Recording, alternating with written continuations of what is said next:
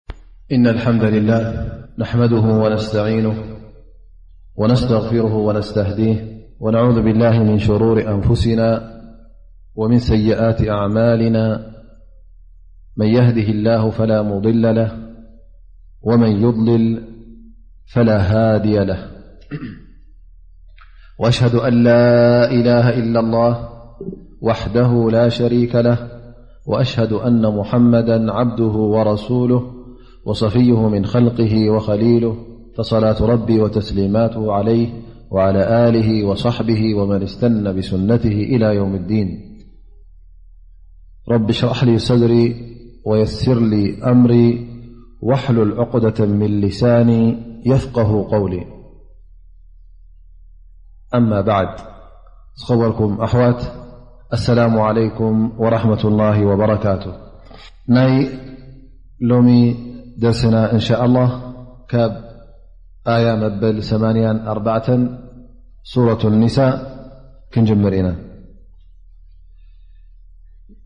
يقول الله سبحانه وتعالى بعد أعوذ بالله من الشيطان الرجيم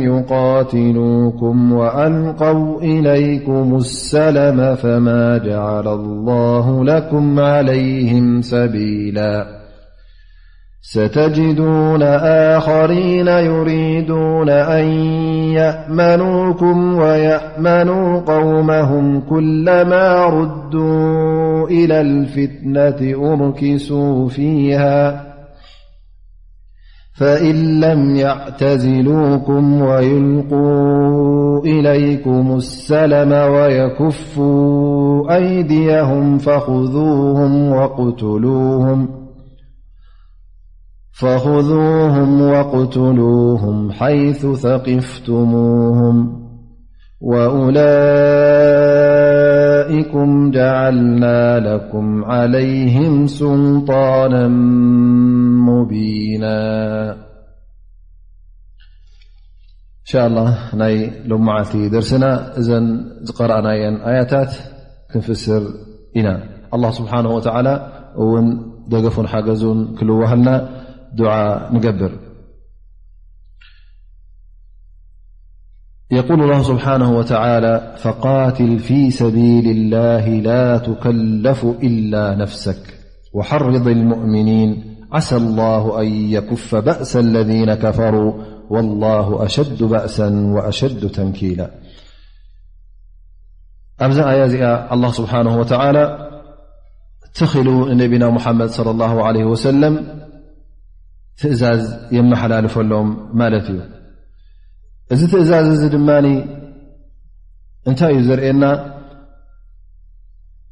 ኣብቲ ግዜ እቲ እቶም ሙናፍቒን ዝገብርዎ ዝነበሩ ሽብር ዝገብርዎእቲ ዝፈጥርዎ ዝነበሩ ኣብ ውሽጢ መዓስከር እስልምና ሽግር ከቢድ ከም ዝነበረ ኣስጋኢ ከም ዝነበረ እቲ ኣብ ዝሓለፈ ሰሙን እቶም ወእነ ምንኩም ለመን ለዩበጢኣና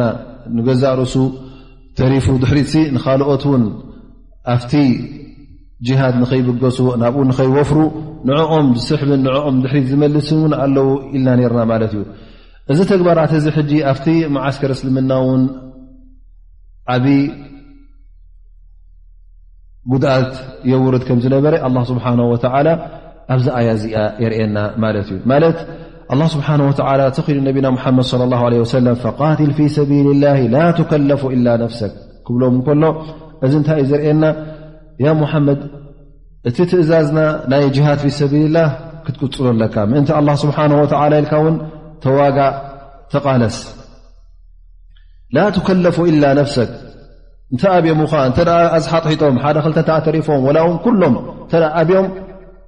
ናይ ነብስኻ ጥራይ ግበር ወላ በይንኻ ኮንካ እቲ ትእዛዝ ኣላ ስብሓን ወላ ካብ ወረደ ነዚ ትእዛዝ እዚ ንኸተቕውም ወላ በይንኻ እንተ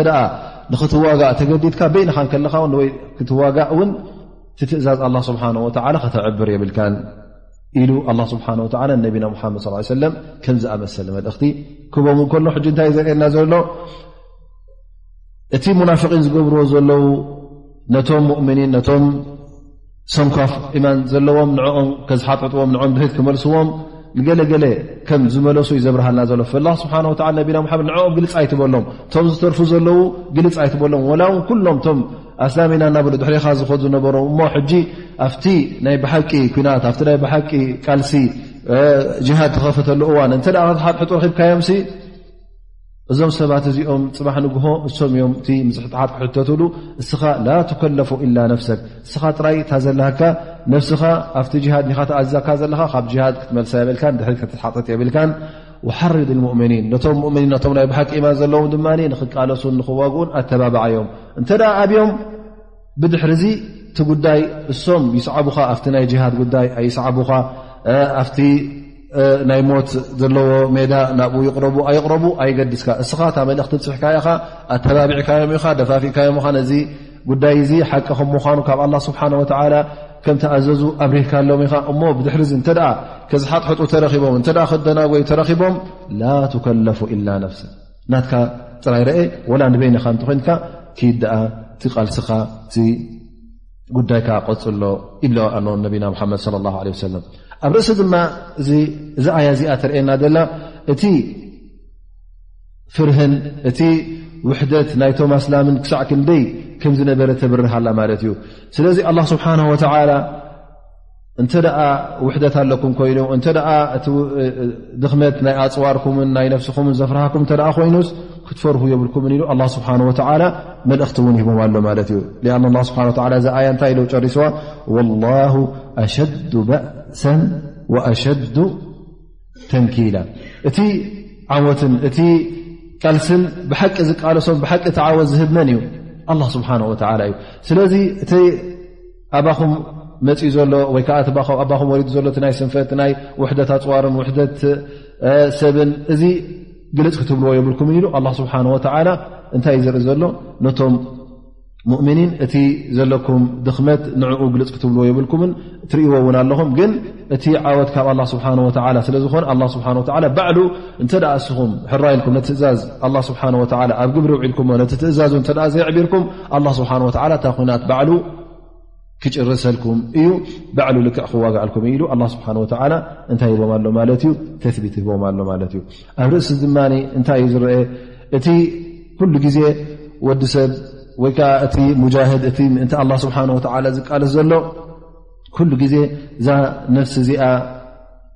ምስ ኣላ ስብሓን ወተዓላ እንተ ቀጢላ ዘይተኣሳሰረት እንተ ምስ ኣላ ስብሓን ወተዓላ ርግኣትን ስምምዕን ዘይብላ ፍፂሙ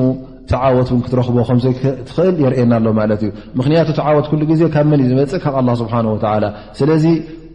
እቲ ኢማንካ ምስ መን ክተኣሳሰር ኣለዎ ምስ ኣላ ስብሓን ወተዓላ ክተኣሳስር ግዴታ ይኸውን ማለት እዩ ሊክ ኣላ ስብሓን ወተዓላ ከምታ ዝበልናያ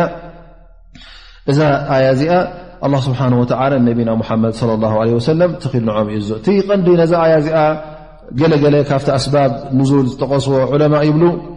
ነቢ ስለ ላ ለ ወሰለም ኩናት እሑድ ምስ ተወደአ ኣቡ ሱፍያን እናኸደ ከሎ ኩናት ተጨሪሱ እንታይ ይብል ንዓመታ ኣበይ ንራኸብ ኢሉ ይቋፀር ማለት እዩ ኣብ በድር ንራኸብ እዚ ኩና ተጨሪሱ ሎ ንዓመታ ድማ ቆፃራና እለትና ኣበ እዩ ኣብ በድር ኢሉ ተዛሪቡ ይኸይድ ማለት እዩ እታ ግዜ ምስ መፀት እታ መዓልቲ ናይ በድር ትበሃል ምስ መፀት እነቢ ለ ላ ለ ወሰለም ነቶም ብፆቶም ንዑ እቲ ቆፀራ ተቋፂርናዮ ዝነበልና ምስ ኣቡ ሱፍያን ኣኪሊ ዩ እሞኒ ንዑ ነዚ ኩናት እዚ ንውፃእ ምስ በለ ገለ ካብቶም ኣስሓብ ነቢ ለ ላ ለ ወሰለም ክዝሓጥሕጥ ወይ ከዓ ክዶናጎ ምስ ተረኸበ ኣላ ስብሓን ወተላ ነዚ ኣያ እዚኣ ኣውሪዱ ይብሉ ላ ስብሓን ወተላ ነቢና ሓመድ ስ ሰለም ፈቃትል ፊ ሰቢል ላ ላ ትከለፉ ኢላ ነፍሰክ ወላ ዝኣበይ ይእበካ ዝሰዓበይ ሰዓብካ ይእበዩን ኣይእበዩን እቲ ጉዳይ ናቶም ዘርኢ ይኮነን እንተ እታ ትእዛዝ ኣላ ያ ሙሓመድ ነፍስኻ ጥራይ ኣብታ መዓልቲ ተቐፂልካ ዘለኻ እቶም ዝሰዓቡኻ ይምፁ እቶም ዝኣበዩ ድማ ግልፅ ኢልካ ክትሪኦም የብልካን ላ ትከለፉ ኢላ ነፍሰክ ነፍስኻ ጥራይ ኢኻ ትሕት ፅባሕ ንግሆ እሶም እተ ኣዝሓጠይጦም እተ ደንጉዮም ኣላ ስብሓን ወተዓላ ንኦም ክቆፃፀሮምን ክሓሳስቦምን ክተሓሳሰቦምን እዘ ኣላ ስብሓን ወላ ወለው ካነ ዋሕደክ ወለው ኩንተ ዋሕደክ ወላ ንበይንኻ ሃሉ እቲ ናይ ጅሃድ ጉዳይ እቲ ናይ ኣንፃር ፀላእይ ምቅላስ ክትገድፎ የብልካን ኢሉ ነቢና ሙሓመድ ለ ላ ለ ወሰለም እዛ ኣያ እዚኣ የውርደሎም ማለት እዩ روى الإمام أحمد عن سليمان بن داود عن أبي بكر بن عياش عن أبي إسحاق قال قلت للبراء الرجل يحمل على المشركين أهو ممن ألقى بيده إلى التهلكة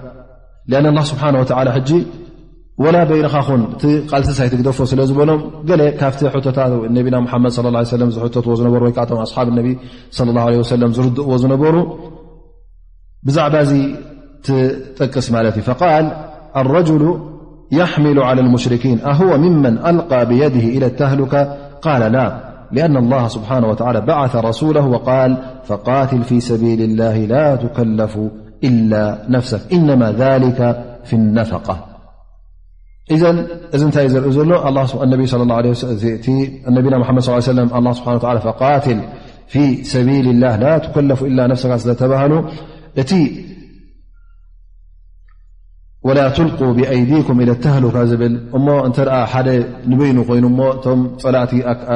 ኣንፃር ፀላእቲ ንበይኑ እተ ተዋጊኡስ እሞ ከዓ እዚ ሰብ እዚ ነፍሱ ክቕተል እዩ እሞ እዚስ ካፍቲ ተህሉካ ዩ ዝቁፀር ኢሎም ይሓቱ ማለት እዮም ቶም ኣስሓብ ነቢ ስ ሰለም እዚኦም እንታይ ኢሎም ምልሱ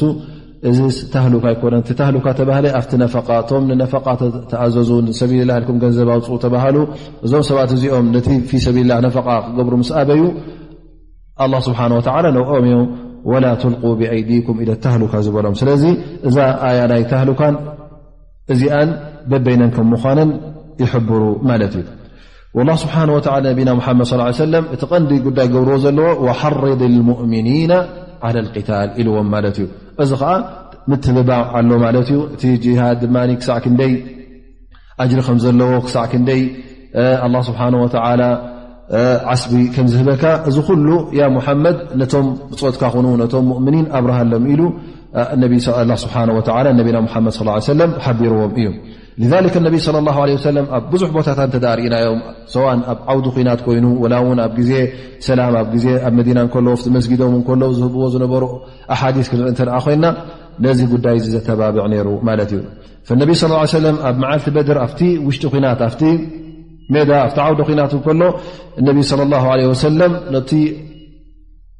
መስርዕ ናይቶም ኣስሓብ ነቢ صለ ه ለ ሰለም እና ኣብ መዕራረዩ ከለዉ እንታይ ይብሉ ቁሙ ኢላ ጀነት ዓርضሃ ሰማዋት ወልኣርض ኢሎም የተባዕዎም እዮም ንዑ ሕጂ እቲ ሰብ ብ ምንታይ ዝኣት ዘሎ ኣብ ምቅታልን ኣብ ምንቋትን እዩ ዘሎ ላን ነቢ ስ ሰለም ንኸተባብዕዎም ንዑ ተበገሱ ንዑ ተዳለዉ ምእንቲ ምንታይ ምእንቲ ዛ ጀና እቲ ስፍሓታን ርዳ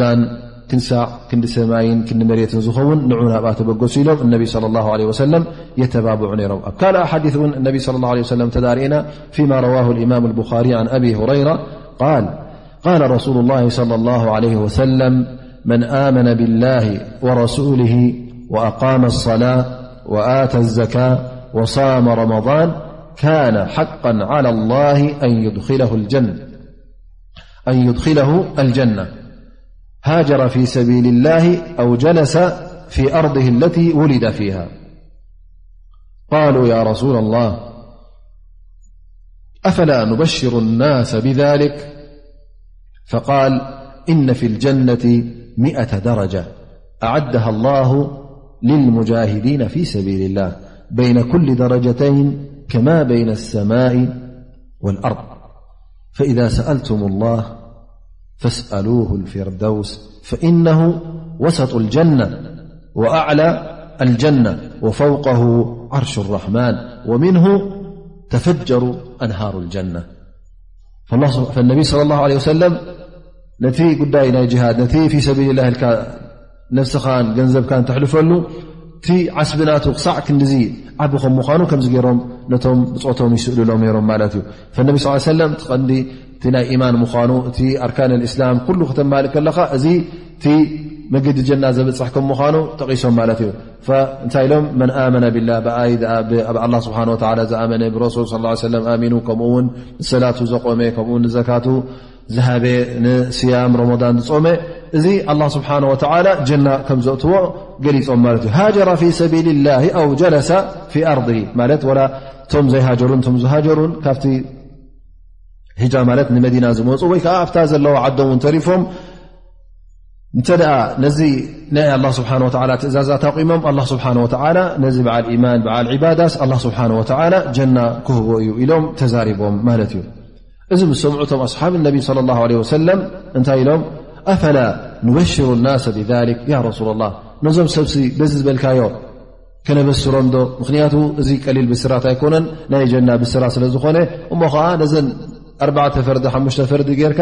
ንአን እተ ቀጣ ቢልካ ሒዝካየንሲ ኣብ ዘለኻዮ ሌኻ ኣብዝሃለኻዮ ቦታ ወላ እውን ህጅራ ከይገበርካ ንመዲና ከይመፅእካ ከለኻ እሞ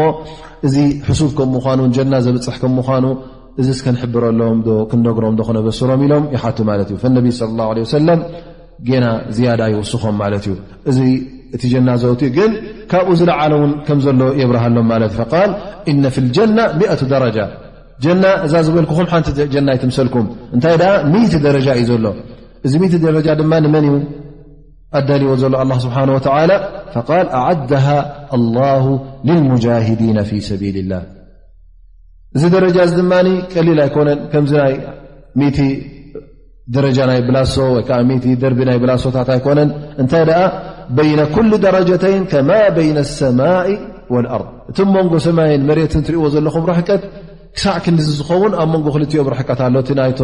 ደርብታት ማለት እዩ እቲ ደረጃ ናይቶም ሙጃሂዲን ኩሎም ውን ሓደ ኣይኮኑን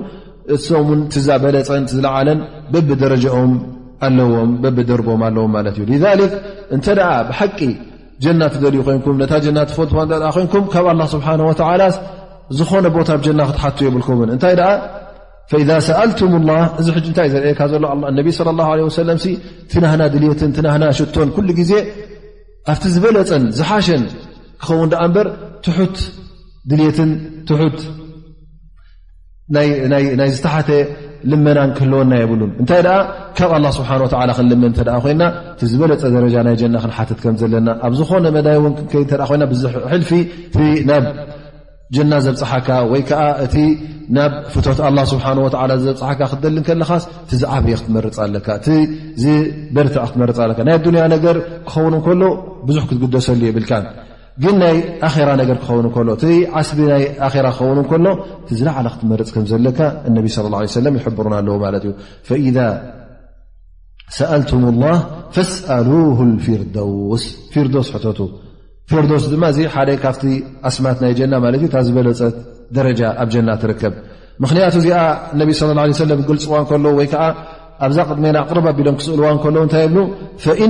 እዚ ፊርዶስ እዚ ፈኢነ ወሰጡ ጀና እቲ ማእከል ማለት እዩ ማእከል ጀና ዝርከብ ብየማንካ ብፀጋምካ ብልዕሊካ ብትሕቲ ኩሉ እቲ ዝበለፀ ቦታ ማለት እዩ ፈኢነ ወሰጡ ጀና ወፊ ነፍሲ ወቅት ኣዕላ ጀና ኣብ ማእከልን ኣብ ዝለዓለን ትኸውን ማለት እዩ ስለዚ እዚ ክልተ ብልፀት ኣለዋ ማለት እዩ ኣብ ርእሲኡ ድማ ወፈውቅ ዓርሽ ራሕማን ብዝባኑ ወይከዓ ኣብ ልዕሊኡ ድማ ኣብ ልዕሊ ጀና እዚ እንታይ ዩ ካልእ ጀና የለን እንታይ ደ ዓርሽ ራሕማን እዩ ዘሎ እቲ ዙፋን ናይ ኣላ ስብሓን ወተላ እዩ ዘሎ ማለት እዩ ወምንሁ ተፈጀሩ ኣንሃሩ ልጀና ካብዛ ፊርዶስ ድማ እቲ ናይ ጀና ኩሉ ወሓዚ ካበይ እዩ ዝፍልፍል ካብዛ እዘን ኣብቲ ቕንዲ ጀና ኣለኻ ማለት እዩ እቲ ኩሉ ናብ ጀና ዝሓልፍ ሽሻያት ብኣኻ ይሓልፍ ማለት እዩ እስኻ ዝሰተኻዮን ተረፍናካን እቲ ካባኻ ዝተሓተ ሽሻይ ድኣ እምበር እቲ ዝለዓለ ሽሻይ እስኻ ሒዝካዮ ከም ዘለኻ ኣብቲ ፊርዶስ ከም ዝርከብ ነቢና ሙሓመድ صለ ላه ለ ሰለም ይሕብርና ማለት እዩ ስለዚ እንተ ካብ ኣላ ስብሓን ወላ ጀና ክትሓቲ ኮይንኩም ሲ እዛ ቦታ እዚኣ ሕተቱ ነዛ ቦታ እዚኣ ክትረክብ እተ ኮንካ ድማ ካብ ምን ክትከውን ኣለካ ካብቶም ብዝያዳ ንኣላ ስብሓን ወላ ዝፈርሁን ንዕኡ ዘምልኹን ዕባዳ ኦም ኣማሊኦን ካብቶም ሙጃሂዲን ሊላ ኢሎም ንነፍሶምን ገንዘብን ምእንቲ ኣላ ስብሓን ወላ እተ ኣሕሊፍካ እቲ ኢማንካ ፅሩይ እንተ ኮይኑ እቲ ኢማንካ ውን ንፁህን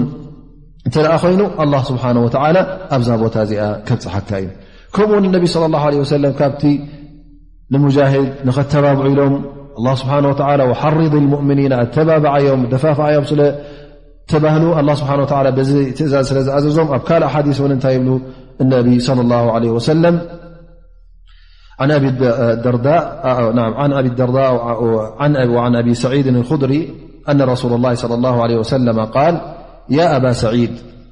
يا أبا سعيد من رضي بالله ربا وبالإسلام دينا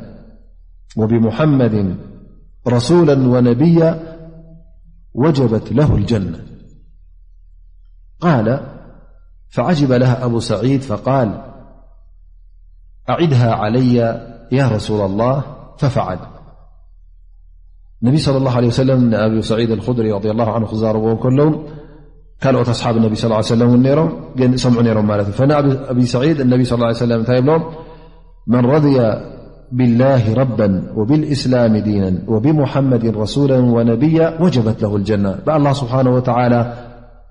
ኢላሁን ጎይትኡን ኮይኑ ብኡ ዝረድኤን ዝፈተወን ነቲ ናይ ኣላ ስብሓን ወተዓላ ትእዛዝ ዝፈፀመ ወብልእስላም ዲና ነዚ እስልምና እዚ ሃይማኖት ኮይኑ ንኡ ቅጥ ኣቢሉ ዝሓዘ ዲኑ ገይሩ ዝሓዞ ከምኡ ውን ነቢና ሙሓመድ ለ ላ ለ ሰለም ነቢን ረሱልን ከም ምዃኖም ኣሚኑ ብኦም ኣሚኑ ንዕኦም ዝተኸተለ ወጀበት ለሁ ልጀና እዚ ሰብ እዚ ኣላ ስብሓን ወተዓላ ተጀና ናቱ እያ ኢሎሞ እዮም ኢሉ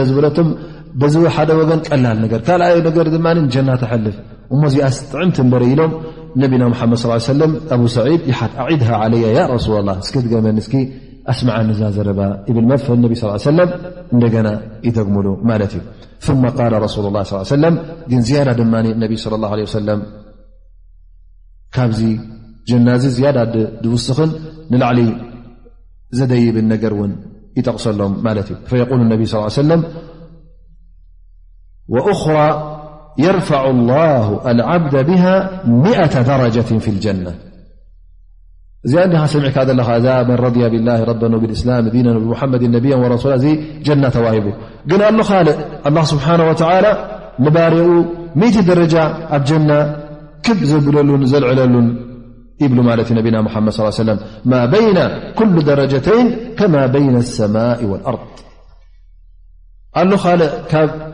እዚኣ ዳጅና እ ኣስደሚማትካ ዘላ ደስ ኢላትካ ዘላ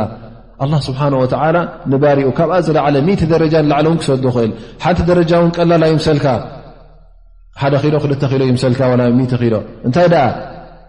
ከማ በይነ ኣሰማኢ ወልኣርድ ከምዚ ልክዓ መንጎ ሰማይን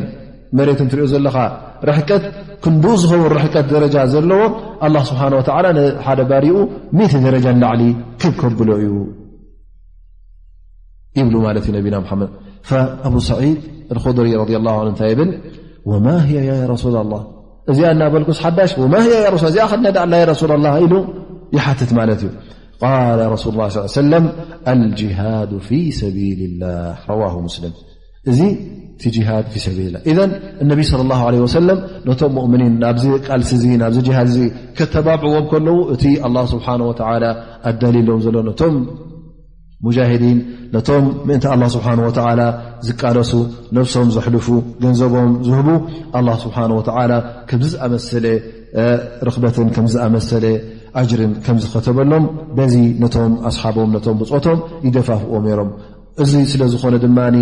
ኣብ ግዜ ነቢና ሙሓመድ صለ ላه ለ ሰለም ይኹን በቲ ብድሕሪኦም ዝነብሩ ፍተ ግዜ ኮለፋ ኣራሽዲን እቶም ኣስሓብ ነቢ صለ ላ ለ ወሰለም ዘርኣይዎ ቅያን ዘርኣይዎ ተባዕነትን ዘርኣይዎ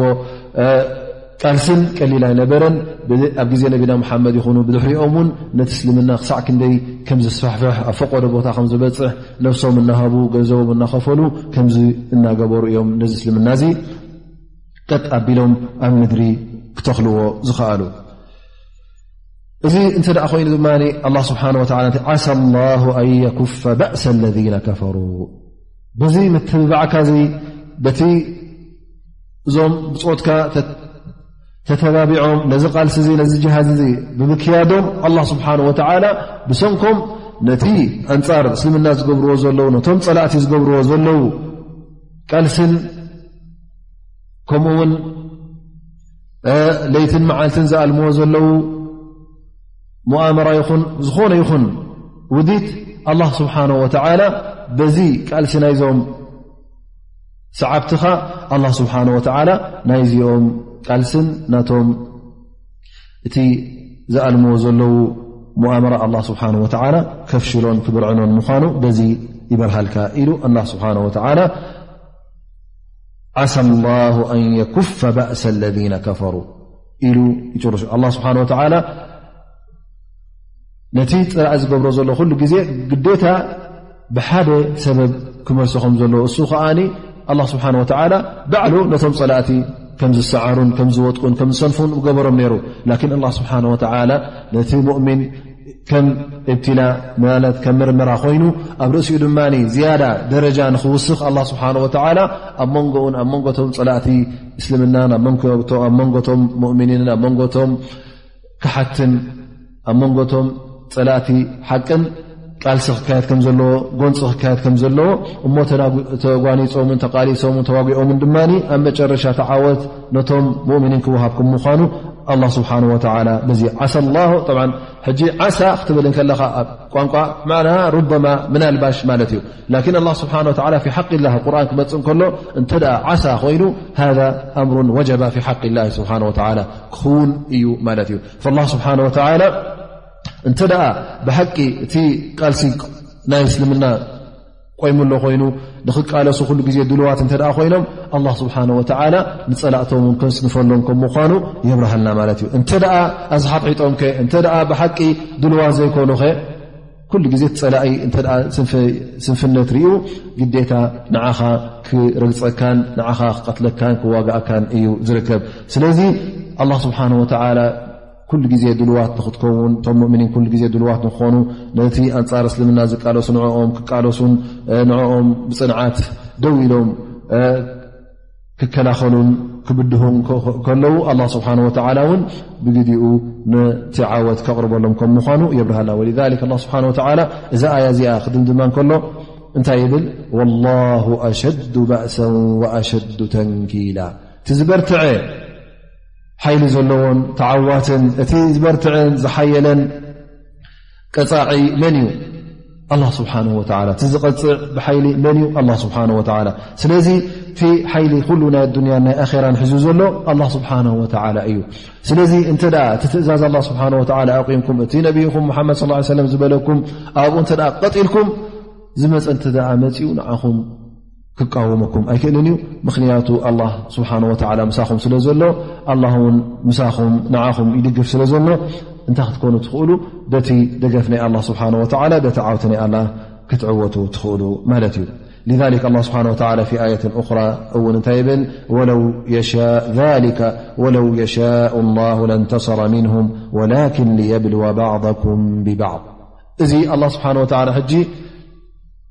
እሱ በዓል ሓይሊ ከም ምኳኑ በዓል ቀፃዒ ከም ምኳኑ ኣብ ኣዱኒያ ኣክራን ዘስንፎ ከምዘየሎ ምስ ጠቂሱልና እዩ እሞ እንታይ ስለምንታይ ንደክም ኣለና ስለምንታይ ኣ ንሕና ንዋጋእ ንኸይንብል ኣላ ስብሓን ወተላ እቲ ናይ ጅሃድ ጉዳይ ክፈርዶ ከሎ ክእዝዞ ከሎ እዚ ጉዳይ እዚ ከም እብትላ ማለት ብሓቂ ሰብ ኢማን ዲና ኢማን የብልናን ብሓቂ እቲ ንሕና ብኣላ ስብሓን ወላ ኣሚና ኢና ብነቢ ሙሓመድ ስ ሰለ ኣሚና ኢና ኣስላሚና ሙእሚና ኢልና እንዛረቦ እዚ ዘረባ እዚ ብልብናን ካብ ውሽጥናን ዝተላዕለ ድዩ ወይስ ግዳማዊ ዘረባ እዩ እዚ ነገር እዚ ኣላ ስብሓን ወላ ብግብሪ ክሪኦ ካባና ስለ ዝደለየ ከም ፈተናን ከም መርመራን እዩ እቲ ናይ ጅሃድን ናይ ነፍስኻ ገንዘብካን ምእንቲ ኣላ ስብሓን ወላ ምእንቲ ዝዲን እዚ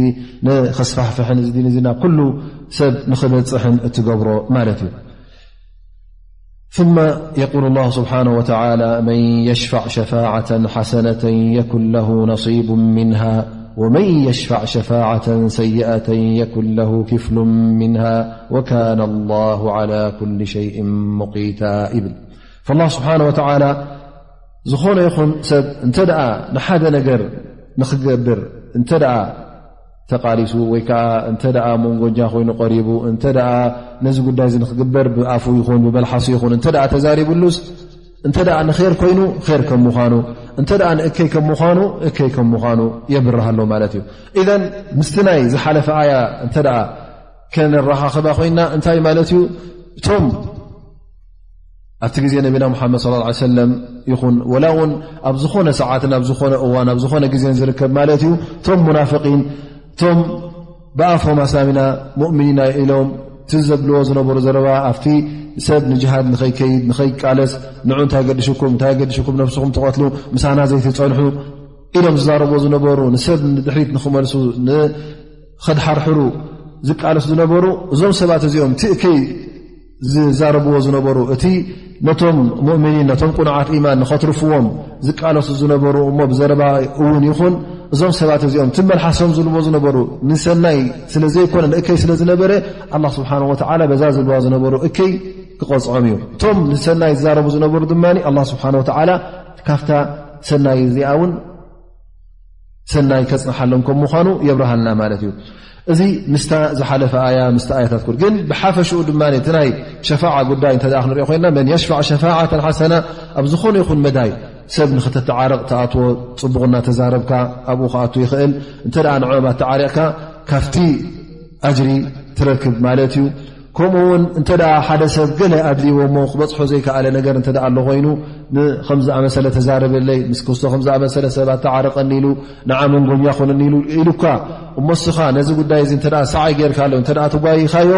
እሞ ኣብዚ ላዕሊ ታሕትን ትብሎ ዘለኻ ምእንቲ ር ምእንቲ ሰናይ እተ ኮይኑ ኣላ ስብሓን ወተላ ወላ እውን እቲ ር ካባኻ ኣይውፃእ ንኣብነት ሓደ ሰብ ገለ ካብ ሰብ ተደቅሖ ነይሩ እሞ ያኸ ዝፍላንዝስ ክእለት የብሉን መሓሮ ኢልካ እንተ ተዛሪብካዮ እሞ ብሰንኪኻ እተ ምሒርዎ ተኣጅሪ ብቐንዳ ናብ መን እያ ነቲ ዝምሕር ዘሎ እያ ግን እስኻ እውን ካብዚ ኣጅሪ እዚ ዕድል ኣለካ ነሲብ ኣለካ ማለት እዩ ክፋል ኣለካ ትምቀል ኢኻ ማለት እዩ ከምኡ ውን ካልእ ዓይነት ነዚ ጉዳይ እዚ እተ ተቓሊስካሉ ወላ በልሓስካ ጥራይ ይኹን ላ ውን ብኢድካን ብነፍስኻን ዝገበርካዮ ነገር ኣይሃሉ ጥራይ መንጎንጆ ኮንካ ዘካየድካዮ ብዘረባኻ ጥራይ ዝገበርካዮ ኣላ ስብሓን ወተላ ካብኡ ውን ዕድል ከም ዘለካ ነሲብ ከም ዘለካ የብርሃልካ ማለት እዩ መን የሽፋዕ ሸፋዓተን ሓሰነተን የኩን ለ ነሲቡ ምና ብኣንፃሩ እውን እንተ ንእከይ ነገር ተጓይኻ ንሕሜታ ኮይኑ ንሕማቕ ዘረባ ኮይኑ ንሰብ ኣብ መንጎባትኻ ንምንቋትን ንምቅታልን ይኹን ዘይተባህለ ተባሂሉ እናበልካ ሕማቕ ዘረባ ክትነዝሕ እተ ኮንካ እዚ ኩሉ ጉድኣት ዝወርዶ ብሰንኪኻ እተ ኮይኑ እስኻ ውን ወላ ውንቲ ጉድኣት ብኣኻ ሸነኽ ካባኻ ብቐጥታ ይምፃእ ድኣ እምበር ብሰንኪ ዚ ዘረባኻ ዝተረኽበ ጉዳይ ንስኻ ውን ካብኡ ክፋል ከም ዘለካ ኣላ ስብሓን ወተላ የኩን ለሁ ክፍሉ ምና ኢሉካ ማለት እዩ ሊክ ነቢ ለ ላ ለ ወሰለም ወላ እውን እቲ ጉዳይ እንተ ይብፃሕ ኣይብፃሕ እብእኹን ኣይኹን እስኻ እተ ንሰናይ ኢልካ ሓሲብካ ሰናይ ፈቲንካ ተዛሪብካ ግን ከምቲ ዝሓሰብካዮን ከምቲ ዝደለኻዮን እውን ምናልባሽ ሓደሓደ ግዜ እውን ኣይኮነልካን እዩ እሞ ኣጅሪ ኣለኒ ዶ ኣጅሪ የብለኒ ኢልካ ንኸይት ተሓሳስብ ወይ ከዓ እዚ ጉዳይ እዚ ንኸየሻቅለካ እነቢ ስ ሰለም እንታይ ይብሉ እሽፈዑ ትእጀሩ እሽፈዑ ትእጀሩ ወየቕዲ ላሁ ዓላ ሊሳኒ ነብይሂ ማሻ ማለት መንጎኛታት ኮይንኩም ቅረቡ ናብ ነቢና ሓመድ ዝያዳ ሕጂ እቲ ኣብ ግዜ ነቢና ሓመድ ስ ሰለም ዝኸውን ዝነበር ገለ ሰብ ንኣብነት ሓደ ጉዳይ ኣጓኒፍዎ እሞ ናብ ነቢና ሓመድ ص ሰለ ሓደ መፅኡ ኸ ያ ረሱላ ላ እዚ ፍላን ወዲ ፍላን እዩ ከምዝን ከምዝን ኣጓኒፍዎ ኣሎ ገለ ሽግር ኣጓኒፍዎ ኣሎ ኢሉ ናይ ሕፅረት ናይ ኢድ ኹን ወይ ውን ካልእ ጉዳይ ነይሩ ኹን ወላ ውን ኣብቲ ንእስልምና ንክኣቱ ይኹን ዝኾነ ይኹን ጉዳይ ንሰናይ ነገር እንተ ኮይኑስ እሽፈዑ ኢሉ ዩ ነቢና ሓመድ ን ተዛረቡኒ እንታይ ከም ዘድዮ ብድሕሪኡ እሽፈዑ ትእጀሩ እዚኣ ኣጅር ላትኩም ወየቕዲ ላ ዓላ ኒሳኢ ነብይ ማ የሻ እነቢ ስ ሰለም ዝገብሮ ዳሕራይ ናቶም ጉዳዩ ኣይትገደሱሉ እነቢ ስ ሰለም ዝወስድዎ ስጉምቲ እዚ ጉዳይ እዚ ኣየሻቅልኩም እንታይ ደኣ እሽፈዑ ትእጀሩ እታ ጥዕምቲ ዘረባ እታ ፅቡቕቲ ዘረባ በልዋ ተዛረብዋ መንጎኛ ኮይንኩም ቅረቡ ብድሕሪኡ ዝርከብ ግን ኣይትሕተትሉን ኢኹም እተ ሰናይ ኮይኑ ፈቢሃ ወኒዐም እንተ ዘይተረክበቲ ጉዳይ እውን ተኣጅርኹም ቀፃይጥ እያ እዚ ሕጂ ናብ ምንታይ ዘተባብዓካ ዘሎ ማለት እዩ ምናልባሽ ኣነ ተዛሪበስ ዳሕራይሲ ዘረባይ እተዘይተቀበሎ ንዓይ ፅቡቕ ኣይኮነን ኣብ ዘረባይ ኣብ ምድሪ ክተወደቕ ኣይደልያን እየ ገለ መልካት ኢልካ እዚ ክትሓስብ ከምዘይብልካ እስኻ ሕጂ እንታይ ኢኻ ትርኢ ዘለካ እቲ ትረኽቦ ዘለኻ ኣጅሪ ክትርኢ ኣለካ ማለት እዩ እታ ሰናይ ጥዕምቲ ዘረባ ትብላ ዘለኻ ብድሕሪኡ ናታ ፍርያት ይኹን ኣይኹን ሳ ፅብቕቲ እኒያ እታ ፅብቕቲ ትዛረባ ኣለኻ ኣላ ስብሓን ወተዓላ እዛ ካባኻ ትወፅ ዘላ ዘረባ እንታ ካባኻ ትወፅ ዘላ ጥዕምቲ ቃል ኣላ ስብሓን ወተዓላ ኣጅሪ ክኸትበልካ ከም ምዃኑ የብርሃልካ ማለት እዩ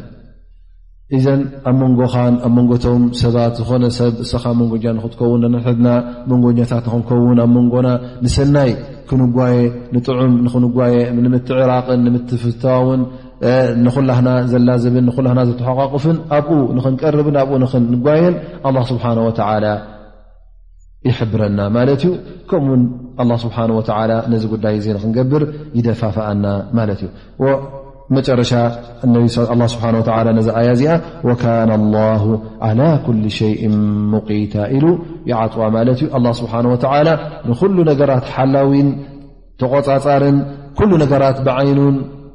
ዝምስክሮን ዝርኦን ዘሎ እንታይ እዩ እቲ ትገብሮ ዘለኹም ኩሉ ኣላ ስብሓን ወተዓላ ቆፃፀሮ እዩ ዘሎ ስለዚ ካብኡ ዝሕባእ የለን እሞ እቲ ትብሎ ዘለኻ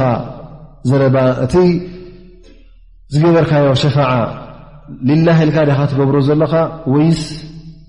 ካልእ ንያ ነይሩ እኳ እዩ እሞ እቲ ዝገበርካዮ ኸ እቲ ሰናይ ከ ንሰናይ ዲኻ ሓሲብካ ነርካ ወይስ ሰናይ ተመሲሉ ንእከይ ነይሩ ትንያኻ ኣላ ስብሓን ወተላ እዚ እውን ይፈልጦ እዩ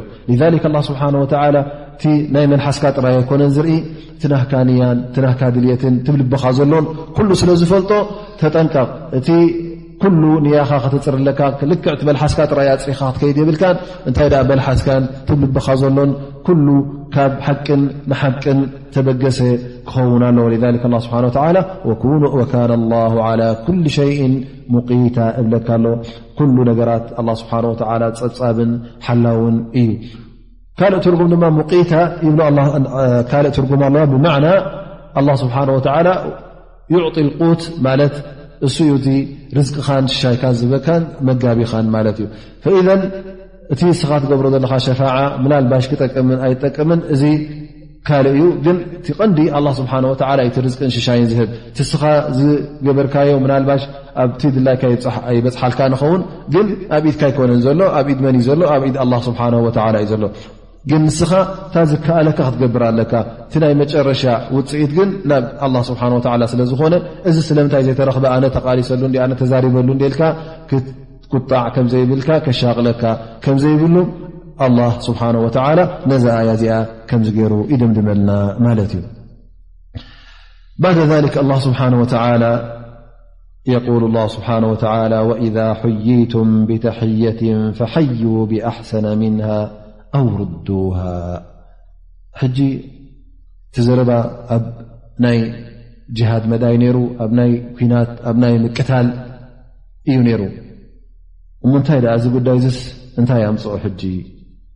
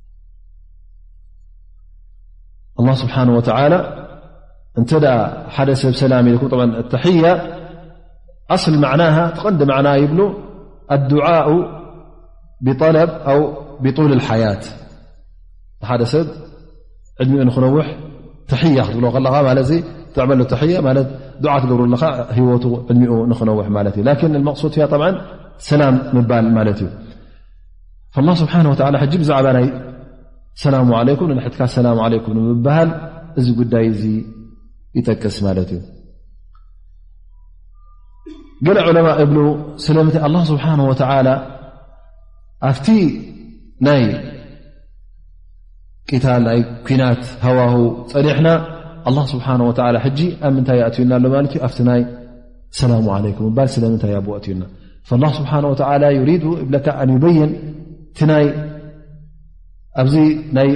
ምስሕሓብን ኣብቲ ናይ ምግትታርን ፀኒሑ ኣብቲ ወሰጥ ኣያት ቂታል ኣብ ማእከል ናይ ኣያት ቂታል ኣላ ስብሓን ወተላ እንታይ ከርእየና ደሊ ኣሎ ትስልምና ቀንዲ ሽትኡን ናይ ሰላም ከም ምኳኑ ናብ ሰላም ከም ዝጓየ እቲ ጅሃድ ንገዛእ ርእሱ እውን ኣላ ስብሓን ወተላ ክሽርዖን ክእዝዞን እንከሎ ነቲ ሰላም ንኸረክብ ኢሉ ዝገበሮ እዩ ነቲ ሰላም ኣብ መሬት ንኽሰፍን ኢሉ ዝገበሮ እዩ ስለዚ እቲ ኩናትን እቲ ምቅታልን ናበይ ንምብፃሕ እዩ ዝካየድ ዘሎ ናብቲ ሰላም ንምብፃሕ እዩ ስለዚ እቲ ኩሉ ግዜ ምቅታልን ምውጋእንሲ ቀንዲ ሽቶስ ኣይኮነን ማለት መዋእልካ ንክትቃተል ጥራይ ንክትነብር ኣይኮነን እንታይ ደኣ ናበይ ንክትበፅሕ እዩ ናፍቲ ሰላም ንክትበፅሕ እዩ ኢሎም እዚ ምናልባሽ ገለ ዕለማ እሻራ ህበና ኢሎም ናፍቲ ሰላምን ናይ ቀንዲ ሽቶ ናይ እስልምና ትቐንዲ ዝደልዮ እውን ሰላም ከም ምኳኑ ንክበርሃልና እዩ ይብሉ ኣብ ርእሲ እውን ካልእ ናይ ምንታይ ነገራት ኣለዎ ማለት እዩ ካልእ ጥቕምታት ኣለዋ ኣብ ርእሲ እውን እዚኣ ኣያ እዚኣ እውን ኣላ ስብሓን ወተላ ነዛ ናይ ሰላም ጉዳይ ተገዲሱ ኣብ መንጎና ኣሰላሙ ዓለይኩም ዝብል ሰላም ክርከብ ከም ዘለዎ ክእዝዘና እንከሎ ኣላ ስብሓን ወተዓላ እዚ ህብረተሰብ እስልምና እዚ ማሕበሪ እስልምና እዚ ፍልይ ዝበለ ባህልን ፍልይ ዝበለ ካይዳን ካብቶም ናይ ሙሽርኪን ካብቶም ናይ የሁድ ካብቶም ናይ ክርስትያን ካብ ኩሉ ዝተፈለየ ናቶም ባህልን ናቶም ኣካይዳን ናቶም ባህርያትን ከም ዘለዎም ከብርሃልና ማለት እዩ ስለዚ እቲ እስልምና ፍልይ ዝበለ ናይ በይኑ ኣገባብ ከም ዘለዎ እቲ ስነ ስርዓቱ ፍልይ ዝበለ ከም ምኳኑ እቲ ባህሉ ፍልይ ከም ዝበለ ካብ ቁርኣንን ካብ ሱናን ዝወሰደ ከም ምኳኑ እዚ እዩ ዘብርሃልና ዘሎ ኣብ ርእሲ እውን ካልእ ኣላ ስብሓን ወተላ ኣብ መንጎቲ ህብረተሰብ እስልምና እውን ኩሉ ግዜ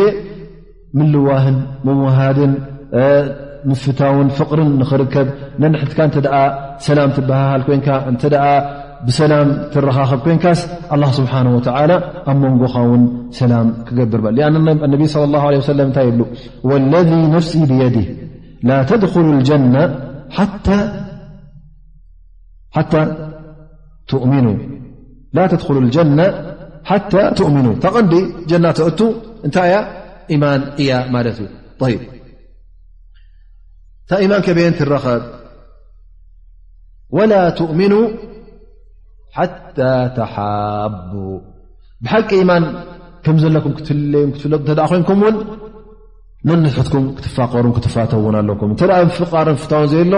ምክንያቱ ሓደ ሰብ ሙእሚን ንክፈቱ እዚ ሓደ ካብቲ ቀንድታት ናይ እስልምና ማለት እዩ ስለዚ እዚ እውን ክርከብ ኣለዎ ማለት እዩ ምስቲ ኢማን ተኣሳሰረ ማለት እዩ ሊክ ነቢ ስ ሰለም እዚ ካብ ኮነ ናፍታ ኢማን ተብፅሓኩም ክነግረኩም ዶ ወይ ከዓታ ፍቅሪ ናብ ኢማን ተብፅሓኩም እንታይ ከም ምኳና ክነግረኩም ዶ ይብሉ ማለት እዩ ቃል ነቢ ስ ሰለም ኣፈላ ኣድሉኩም ዓላى ኣምር ኢዛ ፈዓልቱሙ ተሓበብቱም እተ ነዚ ነገር እዚ ገይርኩም ሲ ከፋቅረኩምን ክቀራረበኩም ዝኽእል ክነግረኩም ዶ ይብሉ ማለት እዩ እነቢ ስለ ላ ሰለም ኣፍሹ ሰላመ በይነኩም ንንሕትኩም ሲ ሰላም ክሰፍን ኣለዎ ማለት ኣሰላሙ ዓለይኩም ኩሉ ግዜ ካብ መልሓስኩም ክወፅ ኣሎ እዚ እተ ተረኪቡ ንስኻ ኣብ ዝረከብካዮ ንሓውካ ሰላ ለም ትብሎ ተካ ስውን ኣብ ዝረከበካ ቦታ ሰላ ለም ክብለካ እተ ኮይኑ እንታይ እዩ ዝርከብ ማለት እዩ ሕጂ እቲ ኣብ መንጎካ ናብ መንጎኡን ዘሎ ሓፁር ንዑ ተፍርስ ኣለኻ ማለት እዩ ንዑ ምስ ፈረሰ ብሰላም ተራኪብካ ሰላም እናተባሃልካ ሰላ ለም እናተባሃልካ እቲ ሕውነትን ትምቅርራብን ብዝያዳ ይርከብ ማለት እዩ ላህ ስብሓን ወተላ እንተ ሓደ እስላማይ ሰላም እንተ ኢሉኩም ኢዛ ሑይይቱም ብተሕያ ፈሓዩ ብኣሕሰነ ምንሃ ኣው ርዱሃ ክልተ ኣለዋ ማለት እዩ ወይ ካብታ ሰላም ዝበለካ ብዝያዳ ኣብ ሊፅካ ሰላም በሎ ወይ ከዓ ነታ ዝበለካ ሰላም ምለሰሉ ስለዚ ብለካ ክትመልሰሉ እዚኣ ፈርዲ እያ ዋጅብ እያ ግዴታ እያ ክትገድፋ የብልካ ኣሰላሙ ዓለይኩም ኢሉካ ኣሰላ ዓለይኩም ሰላም ክትብሎ ልክዕ ከምኣ ርካ ክትመልሰሉ እዚኣ ዋጅብ እያ ክትውስኸላ እተ ኮይንካ ዝያዳ ግን እዚ ሱና መንዱብ ማለት እዩ ዝያዳ ኣጅር ትረኽበሉ ግን ከምታ ዝበለካ ክትምልሰሉ ዋጅብ ክተጉድል የብልካ ሓደ እተ ኣሰላሙ ዓለይኩም ወራሕመቱላ ኢሉካ ዓለይኩም ሰላም ኢልካ ሱቕ ክትብል ይብልካ ማለት ኣጉዲልካ ኣለኻ ማለት እዩ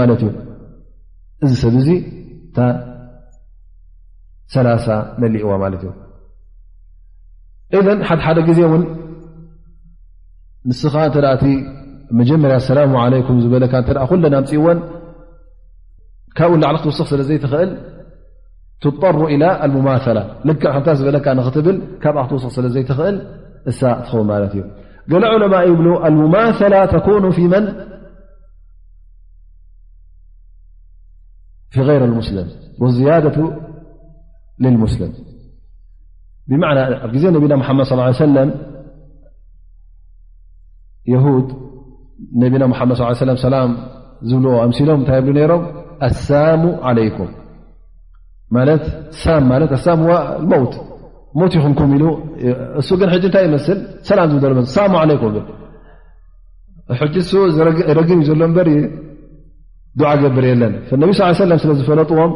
ሓቲ እሻ ረ ላ ስለ ዝፈለጠቶም ሓደ ግዜ ተቆጢዓ ዓለይኩም ላዕነቱ ኢላ ፀርፍታት ወፅ እሻ ኢ ነ ስ ታይ ክትሽክብ ዝኽሉ ካብታ ዝበልኹ ዝያዳ ክትወስኽ የብ እሶም ሙዕተዲን እዮም እተ ሓደ ሰብ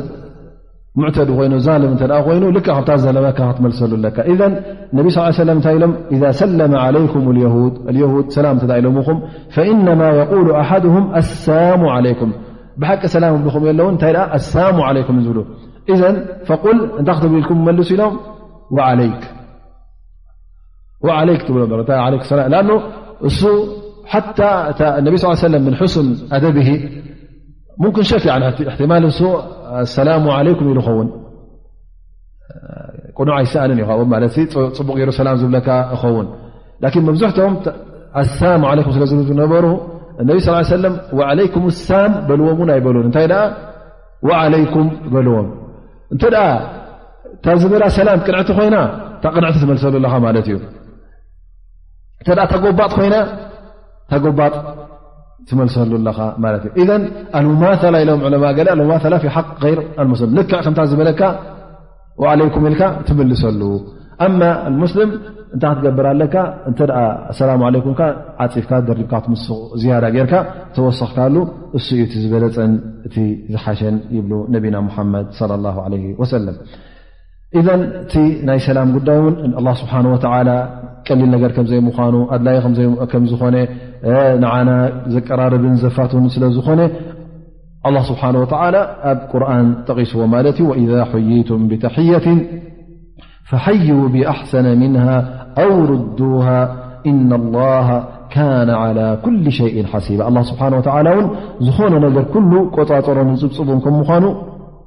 በዛ ኣያ እዚኣ የብርሃልና ማለት እዩ እዘን ስለዚ እቲ ትብልዎ ዘለኹም ካባኹም ዝበዝ ዘሎ ቃል ኣላ ስብሓን ወተላ ክፅብፅቦን ክቆፅሮን እዩ ወላተን ሰላም ትብልዎ ዘለካ ንሓዉካ ስላማይ እታ ዝበለካ ዲካ ትምልሰሉ ዘለካ ዝያዳ ጌርካ ዲካ ትውስከሉ ዘለካ ትንክየሉ ኣለካ እዚ ኩሉ ኣላ ስብሓን ወተዓላ ይፅብፅቦን ይቆፃፀሮን ከም ምኳኑስ ስለዝኮነስ ተጠንቀቁ ፅቡቕ ጌርኩም መልሱ ጥዑም ጌርኩም መልሱ እዚ ጉዳይ እውን ብቀሊል ጌርኩም ኣይትርኣይዎ ኣብ መንጎኹም ሰላም ዘምፅ እዩ ሰላም ዘስፍን ስለ ዝኾነ ኣላ ስብሓን ወተዓላ ተገዲሱ ነዚ ጉዳይ እዙ ኣብ ቁርን ኣስፊርዎ ኣሎ ثመ የقል ላ ስብሓን ወተላ ኣላ ላ ኢላሃ ኢላ ዋ ኣብዚ ድማ ኣላ ስብሓን ወተዓላ እሱ ሓደ ጎይታን እቲ ሓደ ኣላህን ብዘይክኡ ፈፂምካ ንዝኾኑ ይኹን ክተምልኽ ከምዘይብልካ ዝኾነ ይኹን ፍጡር ነቲ ንኣላህ ዝወሃብ ኣምልኾት ክወሃብ ከምዘይብሉ ኣላ ስብሓን ወተዓላ ናይ ሙሉእ ዓለም ናይ ኩሉ ፍጡራን ጎይታ ስለ ዝኾነ ብዘይክኡ ካልእ ጎይታ የለን እቲ ብሓቂ ዝወሃብ ኣምልኾት ድማ ንኣላ ስብሓን ወተዓላ ክኾን ከም ዘለዎ ኣላ ስብሓን ወተዓላ ነዚ ጉዳይ እዚ የረጋግፅ ኣሎ ኣብ ርእሲኡ እዚ ኣላ ስብሓን ወተዓላ እዚ ሓደ ጎይታኹም እዚ ሓደ ኢላኩም እውን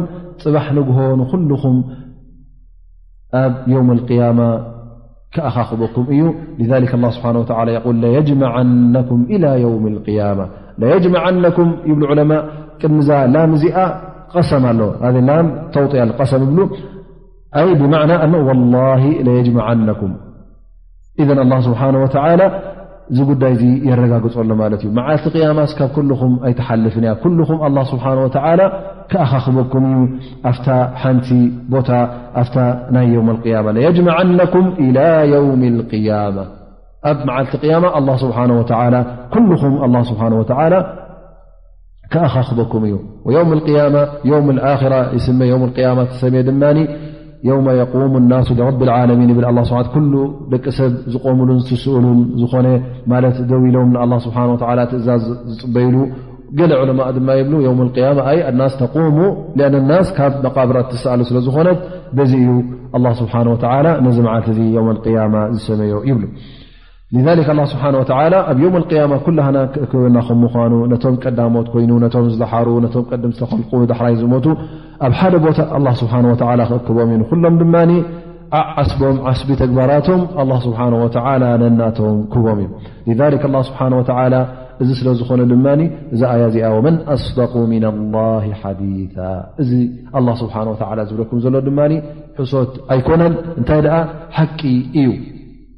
ኣላ ስብሓን ወተላ ፈፂሙ ኣይሕሱን እዩ ካብ ኣላ ስብሓን ወላ ብዝያዳ ድማ ሓቀኛ ኢልካ እትጠቕሶ ዝኾነ ይኹን ነገር ወይ ከዓ ዝኾነ ይኹን ሰብ ይኹን ፍጡር ይኹን የለን ላ ስብሓን ወላ ላ ኣስደቃ ምና ላ ስብሓን ወላ ኣላ ስብሓን ወላ ፈፂሙ ሕሶት ኣይወፆን እዩ እንታይ ደኣ በዓል ሓቂ እዩ እቲ ዝብሎ ዘሎ ቃል ሓቂ እዩ ሕሶት ኣይኮነን እቲ ዝብለኩም ዘሎ ታህዲድ እንተ ኮይኑ እቶም ዮም ያማ ጀና ዝብሎም ዘሎ እቶም ንዮም ያማ ጀሃንም ክኣት እዩ ዝብሎም ዘሎ እቲ ዝህቦ ዘሎ ቆፅ እለት ወይ ከዓ እቲ ዝህበኩም ዘሎ ቆፀራ እቲ ዝበኩም ዘሎ መዓልቲ ፈፂሙ ኣላ ስብሓን ወተላ ኣይክስሕቶን እዩ ኩሉ ኣብ መመዓልቱ ክመውት እዩ ኣብ መመዓልቱ ንጀና ዝኣ ንጀና ክኣ እዩ ንጀሃንም ዝኣ ንጀሃንም ክኣ እዩ ስለዚ ካብዚ ክንድሕን ኢና ካብዚ ምናልባሽ ንወፅእና ኢልካ ክትሓስብ የብልካ እታ ኣላ ስብሓን ወላ ዝበላ ክውንቲ ስለ ዝኾነት ኣላ ስብሓን ወላ ሓቀኛ ስለ ዝኾነ እሞ ተጠንቀቑ እቲ በዓል ሓቂ እውን ተሓቂ እንታይ ከም ምዃና እነሀ ኣብዛ ቁርን እዚኣ ይነግረኩም ኣሎ እሳ እያ ኢሉ ኣላ ስብሓን ወላ ይሕብረና ማለት እዩ ብድሕሪ እዚ ኣላህ ስብሓን ወተላ እንደገና ናበይ ይምለስ ማለት እዩ ናፍቲ ናይ ሙናፍቒን ጉዳይ ኣብቲ መዓስከር እስልምና ኣብቲ መስርዕ እስልምና ዝገብርዎ ዝነበሩ ሕንፍሽፍሽን ሽግርን ዘውርዎ ዝነበሩ እንደገና ናብኡ እውን ኣላ ስብሓ ወተላ ግልፅ ይብል ማለት እዩ የቁል ላሁ ስብሓን ወተላ ፈማ ለኩም ፊ ልሙናፍقነ ፊኣተይን ወላሁ ኣርከሰሁም ብማ ከሰቡ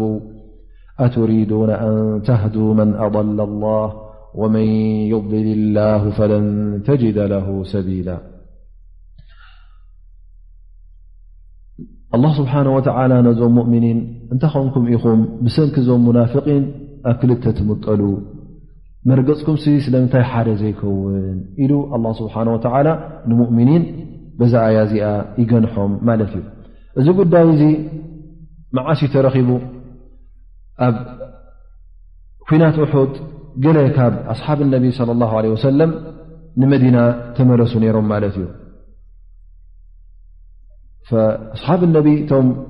ኩናት ኣትዮም ዝቐፀሉ ገሊኦም እንታይ ኢሎም እዞም ሰባት እዚኦም እዞም ካባና ተመለሱ ትእዛዝ ነቢና ሓመድ ص ሰለ ስለ ዝጠሓሱ እዚኦም ክሓቲ ስለ ዝኾኑ ምስተመለስናስ ክንቀትሎም ኣለና ኢሎም ገለ ካብቶም ኣስሓብ ነቢ ص ሰለ ግን ላላ ክንቀትሎም ይብልና እንታይ ገ እዚኦም ኣስላም እዮም ዝቁፀሩ ؤምን እዮም ዝቁፀሩ ኢሎም ተዛሪቦም ማለት እዩ ስብሓ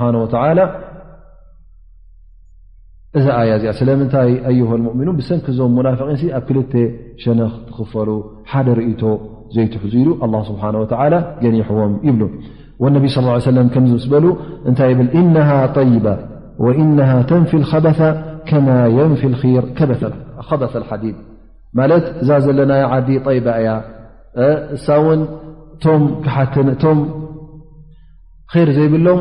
ልክዕ ከምቲ እሳት ሓዊ ንሓፂን ከተምክኾ ከለኻ ነቲ ርስሓት ንበይኑ ዝግልፎ እዛ መዲና ውን ነቶም ክሓትን ነቶም ር ዘይብሎም መዲና ውን ባዕላ ክትግልፎም እያ ኢሉ ኣነቢ ለ ላ ለ ወሰለም ተዛሪቡ ገለ ዕለማ ደብልብሉ እዚ ብሰንኪ ዞም ሰባት ኣይኮነን እንታይ ደኣ መዲና ዝነበሩ ይኮኑ እንታይ ኣብ መካ ዝነበሩ ገለ ሰባት እንታይ ገይሮም ይብል ይብሉ ናብ ነቢና ሙሓመድ صለ ላ ለ ወሰለም መፅኦም እንታይ ይገብሩ እዞም ሰባት እዚኦም ንሕና ያ ረሱላ ላ ኣብ መስሊምና ኢና ኣብ ኢማን ኣቲና ኢና ኢሎም ከምዚ ኢሎም ንኸብቅዑ ንመካ ምስ ተመለሱ እንታይ ይገብሩ ማለት እዩ ምስቶም ሙሽርኪን ኮይኖም ናብቲ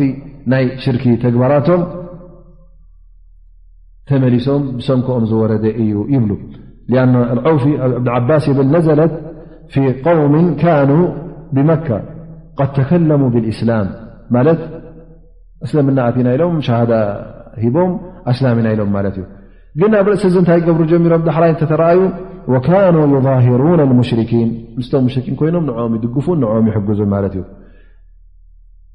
ሕጂ እዞም ሰባት እዚኦም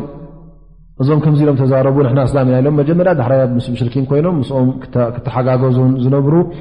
እንታይ ገይሮም ሓንሳ ናበይ ወፅኦም ማለት እዩ ንመገሽኦም ኢሎም ይወፁ ማለት እዮም ምስ ወፁ ገለ ካብ ኣስሓብ ነቢ ለ ላ ለ ወሰለም እንታይ ይብሉ እዞም ሰባት እዚኦም እዞም ከምዚ ዝብሉ ዝነበሩ ዳሕራይ ንመካ ከይዶም ከምዚ ዝገበሩስ ሕጂ ወፅኦም ኣለዉ እሞ ንዑ ንዑ ንዋጋኣዮም ንቕተሎም ኢሎም ተዛሪቦም ገለ ካብቶም ኣስሓብ ነቢ ግን እንታይ ኢሎም እባ ከመይ ገርና ንቃትሎም እዞም ሰባት እዚኦም ኣስልምና ኢሎም እንዲኦም ሸሃዳ ሂቦም እንዲኦም ኢሎም ሕጂ ክዛረቡ ጀሚሮም ማለት እዩ እነቢ ለ ላ ለ ወሰለም እውን ይሰምዕዎም ነይሮም ማለት እዩ ምስሕሓብ ኣብ መንጎቶም ብፆቶም መንጎቶም ኣስሓብ ነቢ ስ ተረኸበ ምስሕሓብ ይሰምዑ ነሮም ገሊኦም እታይ ኣተቅትሉና ቀውመ ድ ተከለሙ ብምስሊ ማ ተከለምቱም ብ ልክዕ ከማኹም ኣሻ ን ላላ ላ ዝበሉ ከመይ ጌርኩም ትዋግእዎም እዞም ሰባት እዚኦም ምሳና ሂጅራ ዘይገብሩ ኮይኖም ኢልኩም ዲኹም ዓዶምን መሬቶምን ዘይገደፉን ኢልኩም ዲኹም ወይስ እንታይ ኢሎም ገለ ክዛረቡ ጀሚሮም እቶም ካልኦት ድማ ላላ እዚኦም ወላ ውን ሸሃዳ ይሃቡ ዳኣ እምበር ምስኦም ኮይኖም ምስቶም ሙሽርኪን ንኦም ይሕግዙ ንኦም ድግፉን ስለ ዘለዉ ኣብ መካ ኮይኖም እዞም ሰባት እዚኦም ሙሽርኪን እዮም ክቆፀሩ ዘለዎም ኢሎም ክልቲኦም ተሰሓሒቦም ማለት እዩ ላኪን እነቢ ስ ሰለም እውን እናሰምዖም ሓንቲ ትዛረበን ይብሉ ኢዘን ሰበብ ናይዛ ኣያ እዚኣ ክል ይነት ገሊኦም ኣብቶም መዲና ዝተረከበ ይብሉ ገለ ዑለማ ድማ ኣበይ ኣብቲ መካ ዝነበረ ጉዳይ ገለ ካብቶም ኣስሊምና ኢሎም ኣብ መካ ዝተረፉን ኣብ ርእሲኡ ምስቶም ሙሽርኪን ኮይኖም ምስኦም ዝተሓጋገዙ ዝነበሩን ንኦም እዮም እዘን ቶም ኣስላም ኣላ ስብሓን ወተላ ብሰንኪ ዞም ሙናፍቒን ብሰንኪ ዞም ክሓትስ ስለምንታይ ኢኹም ትሰሓሓቡ ዘለኹም ስለምንታይ ኢኹም ክልተ መዓስከር ትኾኑ ፈማ ለኩም ፊ ልሙናፍقን ፊኣተይን ስለምንታይ ክልተ መዓስከር ኮንኩም ኢሉ ኣላ ስብሓን ወተላ ነቶም ሙእምኒን ይገንሖም ኣሎ ወላሁ ኣርከሰሁም ብማ ከሰቡ እዞም ሰባት እዚኦም ኣላ ስብሓን ወተላ ናፍቲ ዝነበርዎ ጌጋን ናፍቲ ዝነበርዎ ሕማቕ መንገድን እዩ መሊስዎም ዘሎ ማለት ኣብቲ ናይ ሽርክ እዮም ተመሊሶም ዘለዉ ላ ስብሓን ወተላ ብሰንክቲ ዝገበርዎ ተግባርን ብሰንክቲ ዝገበርዎ ጌጋ ብሰንክቲ ነቢ ለ ላ ሰለም ማዕስያ ዝገበሩ ነቢና ሓመድ ትእዛዙ ዝጠሓሱ እዞም ሰባት እዚኦም ኣላ ስብሓን ወተዓላ ናበይ ናብቲ እከይ መሊስዎም እዩ ናፍቲ ሕማቕ ናፍቲ ሽርኪ መሊስዎም እዞም ሰባት እዚኦም ድማ ከመይ ጌርኩም ኢኹም ኣብ ኢማን ኣለዉ ብሓይል ዲኹም ኣብ እስልምና ክተእትዎም ደሊኹም ኣቱሪዱና ኣንተህዱ መን ኣضላ ላ ኣላ ስብሓን ወተዓላ እዞም ሰባት እዚኦም ኣጥፊእዎም እዩ እዞም ሰባት እዚኦም መገዲ ሓቂ ገዛእ ርእሱ ኣላ ስብሓን ወተዓላ ኣየእተዎምን እሞ ከመይ ጌርኩም ኢኹም ንስኹም ብሓይሊ ክተእትዎም ኣብ እስልምና እዮም ዘለዉ ትብሉ ዘለኹም ኢሉ ኣላ ስብሓን ወተዓላ ይምልሰሎም ንዕኦም ዝድግፉን ዝሕግዙን ዘለዉ እዞም ሰባት እዚኦም ኣላ ስብሓን ወተዓላ ካብቲ መገዲ ሓቂ ኣውፅዎም እዩ እዚኦም ሰባት እዚኦም ጥፉኣት ገይርዎም እዩ እሞ እዞም ጥፉኣት እዚኦምሲ ብሓይሊ ናብ እስልምና ናብ እስልምና ክተእትዎም ወይ ከዓ ናብ እስልምና እትዋት እዮም ኢልኩም ብሓይሊ ናብቲ እስልምና ክተእትዎም ክትሓስቡ የብልኩምን እዞም ሰባት እዚኦም እተ ኣላ ስብሓን ወተላ ውን ር ዘይከተበሎም ንምስ ንገዲ እስልምና ዘይከተበሎም ናብ ኢማን ንክትኣትዉ ዘይከተበሎም እተ ኮይኑ ፈፂምኩም ንስኹም ትገብርዎ ነገር የብልኩምን ናብ እስልምና ናብ ሓቀን ከተብፅሕዎም ውን ኣይትኽእሉን ኢኹም ስለዚ እስኹም እቲ ህዳያ ከምቲ ዝበልናዮ ክልተ ዓይነት ህዳያ ስለዝኾነ ህዳየት ተውፊቅ ህዳየት እርሻድ ወልበያን ክልተ ዓይነት እዩ ዘሎ እስኹም ኣንቱም ሙእምኒን ኣንታ ነቢ ሙሓመድ ስ ሰለም እቲ ኣብ ኢትኩም ዘሎ ህዳያ ናይ እርሻድ ናይ በያን ናይ እንታይ ከም ምዃኑ ትስልምና እናብራህካን ንሓበሬታ ናብ ምሃብን መልእኽቲ ኣላ ስብሓን ወላ ንምብፃሕን እዩ ዘሎ ብ ኢትኩም ዝኣንበር እንተ ናብ እስልምና ብሓቂ ክኣምንን ከይኣምን እተ ኮይኑ እዚ ጉዳይ እዚ ኣብ ኢድ ኣላ ስብሓን ወላ እዩ ዘሎ ኣላ ስብሓን ወላ እዩ ዘስምረሉ ክኣቱን ከይኣቱን ናብቲ እስልምና ናብኡ ቀጢሉ ንክቕፅልን ንከይቅፅልን ስኹምታ ግዴኹም እንታይ እታ ናይ ሓበሬታ ስለ ዝኾነት ሓበሬታኹም ቀፅሉ ግን ብሓይሊ ናብ እስልምና ክተእትዎም ወይ ከዓ ናብኡ ዮም ዘለዉ ኢልኩም ከተዛረቡ እውን ኣይትኽእሉን ኢኹም ይብል ኣላ ስብሓን ወተላ ማ የቁል ስብሓን ወተላ ነዞም ክሓቲ ነቶም ሙናፍቒን ክገልፆም እንከሎ እቲ ኣብ ውሽጢ ልቦም ዘሎ እንትድልዮቶምን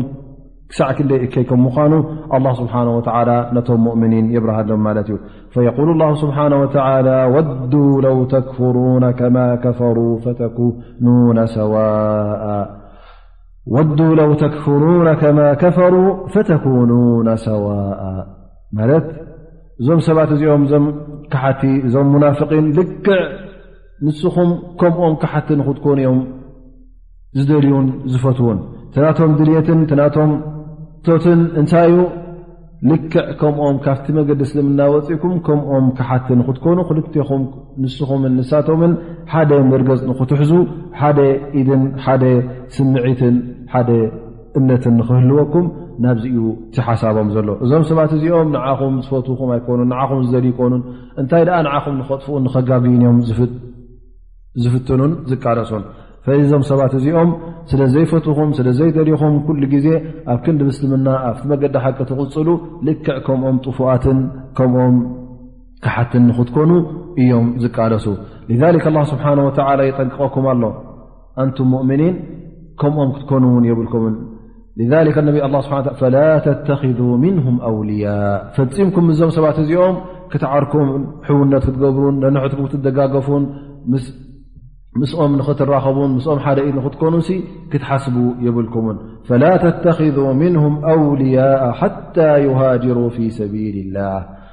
እዞም ምስቶም ሙሽርኪን ዘለዉ ምሳና ኢልኩም ክፅብፅብዎም የብልኩምን ምክንያቱ ምስቶም ሙሽርኪን ኮይኖም እንተ ምስኦም ተሓጋገዙ ደጋገፉን ኮይኖም ምስኦም እዮም ዘለዉ ኣ እበር ምሳኹም ኣይኮኑ እዞም ሰባት እዚኦም ብሓቂ ኢማን ኣለዎም እተ ኮይኑ ሰብ ኢማን እተ ኮይኖም ካብቲ ቦታ ሽርክ ዘለዎ ካብቲ ምስቶም ሙሽርኪን ኮይኖም ምትሕጋዝ ንኡ ጠንጢኖም ገዲፎም ናበይ ክመፁ ኣለዎም ምእንቲ ኣላ ኢሎም ወላ ውን ተሃፍቶም ይኹን ንብረቶም ይኹን ገዲፎም ምእንቲ ኣላ ኢሎም ናባኹም ክመፁ ኣለዉ ሓታ ይሃጅሩ ፊ ሰቢል ላ ምእንቲ ኣላ ኢሎም ናባኹም ክመፁ ከለዉ እዞም ሰባት እዚኦም ብሓቂ ኢማን ኣለዎም ማለት እዩ ብሓቂ ነቲ እምነትን ነቲ እስልምናን ዝደልዩ ከም ምዃኖም ይበርሃልኩም ግን እንተ ኣብዮም ፈእን ተወለው እተ ኣብዮም ተረኩ ጅሃድ ወተረኩ ማእምሮም ላ ስብሓን ወተላ ብ እቲ ምስ ሙሽርኪን ኮይኖም ሓደ ኢት ኮይኖም ንኦም ንምሕጋዝን ምስኦም ተፀንቢሮም እተ ኣንፃርኩም ዝቆሙ ኮይኖም ንኦም ዝሕግዙ እተ ኮይኖም እዞም ሰባት እዚኦም ኣብዮም ማለት እዩ ነቲ ክሕደት መሪፆም ማለት እዩ ላ ስብሓ እንታይ ይብል ፈኢን ተወለው ፈኹም እዞም ሰባት እዚኦም ንክትወስዎም ማለት ንክትኣስርዎም ፍቀደኩም እዩ ወቕትሉም ሓይث ወጀድትም ልክዕ ፍርዶም ልክዕ ከምቶም ሙሽርኪን እዩ ምክንያቱ ምስኦም ኮይኖም ሓደ ኮይኖም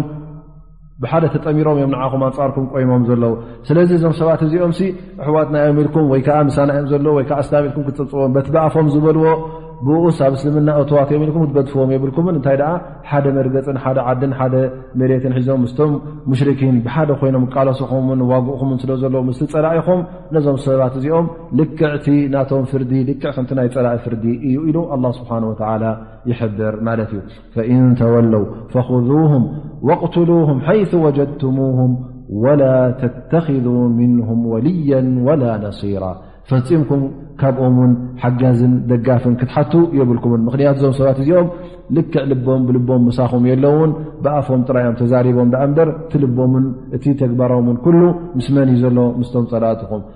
ስለዚ እዞም ሰባት እዚኦም ንዓኹም ክድግፉኹም ወይ ከዓ ምሳኹም ክተሓባበሩ ምሳኹም ሕውነት ክፈጥሩ ምሳኹም ፍቕሪ ንኽፈጥሩስ ድልት የብሎምን ንስኹም እውን ነዞም ሰባት እዚኦም ፈፂምኩም ከተቕርብዎም የብልኩምን ካብኦም ሓገዝ ክጠልቡ የብልኩምን ካብኦም ፍቶት ክጠልቡ የብልኩምን ካብኦም ዝኾነ ይኹን ናይ ምትሕብባር ጉዳይ ክትጠልቡ የብልኩምን ኢሉ ኣላ ስብሓን ወተዓላ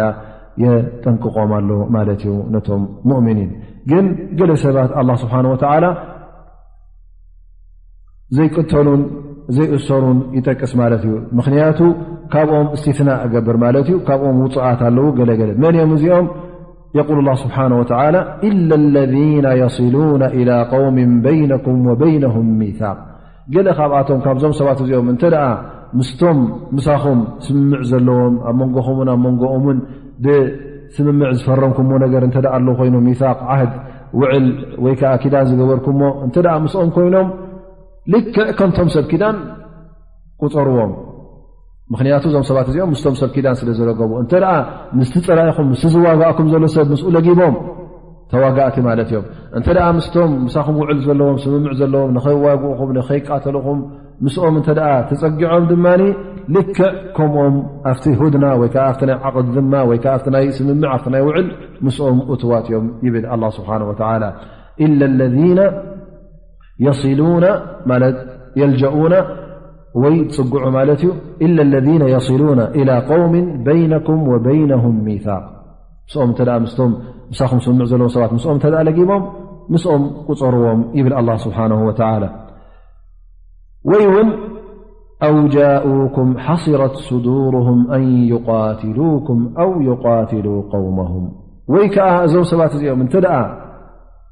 ንዓኹም ንክዋግኡ ድልት ዘይብሎም ኮይኖም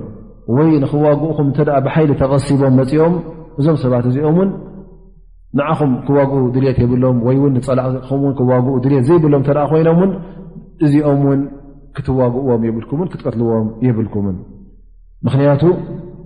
ኣወለ እቶም ቀዳሞት ኢልና እቶም ኣብ ሕልፍ ዝኣትዎም ኣ ነቢ ስ ሰለ ሓ ኣብ ናይ ሱሉሕ ሁደይብያ ምስ ገበረ እንታይ ይብል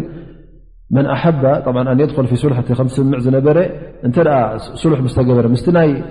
ቁሬሽ ክኣቱ ዝደለየ ስምምዕ ምስ ዝኾነት ቀቢላ እተ ኣትያ ፍቀዳ ነይሩ ክትኣቱ ማለት እዩ ምስ ናይ ነቢና ሓመድ ስ ሰለም ውዕል እውን ምስ ክትኣቱ ዝደለየት እውን ዝኾነት ቀቢላ ወላ ውን ኣብቲ ናይ ውዕል ኣይትረኸብ እተ ነ ምስ እትውት ኢላ ኣብ ነቢ ለ ላ ለ ሰለም ኣብቲ ስምምዕ ዝገብርዎ እትዋት እዮም ነይሮም ማለት እዩ እዞም ሓሲረት ስዱሮም ዝተባህሉ ግን እቶም ከይፈተዉ ኣብ ኩናት ተሳሒቦም ወይከዓ ተገዲዶም ዝኣትዉ ማለት እዩ ነቶም ህዝቦም ወይ ከዓ ነታ እማናት ነተቆሞም ወይከዓ ነቶም ህዝቦም ክቀትልዎም ድልት የብሎምን ንነቢና ሓመድ ስ ሰለ ን ክዋግእዎ ድልት የብሎምን ግን እቶም ዓዲ ብሓይሊ እተ ሒዞሞ መፅኦም ን ምሳና ኢሎም እተ ኣምፅኦሞም እዞም ሰባት እዚኦም ውን ኣይትቕተልዎም ኣይትዋግእዎም ይብል ኣ ስብሓ ወ ልክዕ እተ ርእና ኣብ ዝወት ከምቲ ነቢ ስ ሰለ ዮም በድር በኒ ሃሽም ክመፁ ከለዉ ንክዋግኡ ድሌት ኣይነበሮምን ግን ተገዲዶም ስለ ዝወፁ እነቢ ስ ሰለ ንኣልዓባስ ይኹን ንገለ ነቶም በኒ ሃሽም ኣይተቕተልዎም እተ ረኪኩሞም ሕዝዎም ጥራይ ይብል ሩ ምክንያቱ እዞም ሰባት እዚኦም ክወፁ ከለዉ ካብ መካ ድሌት ናይ ቅታል ናይ ኩናት ኣይኮነን ኣውፅዎም ንክቐትል ውን ድሌት የብሎምን ስለዚ ወላ ሴፍ ተልዓልካሎም ምናልባሽ ሶም ብልቢ ስለ ክዋግኡካ ድሌት ስለ ዘይብሎም ኣይትዋግእዎም ኢሉ ማለት እዩ ስለዚ እተ ሓደ ተገዲዱ ወፅኡ ብዘይ ድልየቱ እ ወፅኡ ዚ ከምዝኣመሰለ ሰብሲ ኣይትቕተልዎ ኢሉ ኣላ ስብሓን ወላ ይሕብሮም ማለት እዩ ኣን ላ ስብሓ ወላ እንታይ ይብል ወለው ሻ ላሁ ለሰለጠሁም ዓለይኩም ፈለቃተልኩም ላ ስብሓን ወላ እውን ድልየቱ ስለዝኾነ ናቱ ራሕማን ናቱ ሰናይን ናቱ ሽሻይን ፀጋን ስለ ዝኾነ እዞም ሰባት እዚኦም ኣላ ስብሓን ወተላ ኣብ ልቦም ኣንፃርኩም ንክዋግኡ ድልት ኣይገበረሎውን እምበር እንተ ድልት ነይሮም እተዝኸውን ነይሩ ፀላእትኹም ምበዛሐ ነይሩ ንዓኹም ምተዋግኡኹም ሮም ምቐተልኹም ዝያዳ ጉድኣት መውረዱልኩም ነይሮም ስለዚ እቲ ፅልኢ ዘይብሉ እቲ ክዋግኣኩም ንያ ዘይብሉ እዚ ሰብ እዚ ኣይትዋግእዎ ምእንቲ ፀላኢኹም ንኸይበዝሕ ማለት እዩ እንታይ ደኣ ናብ መን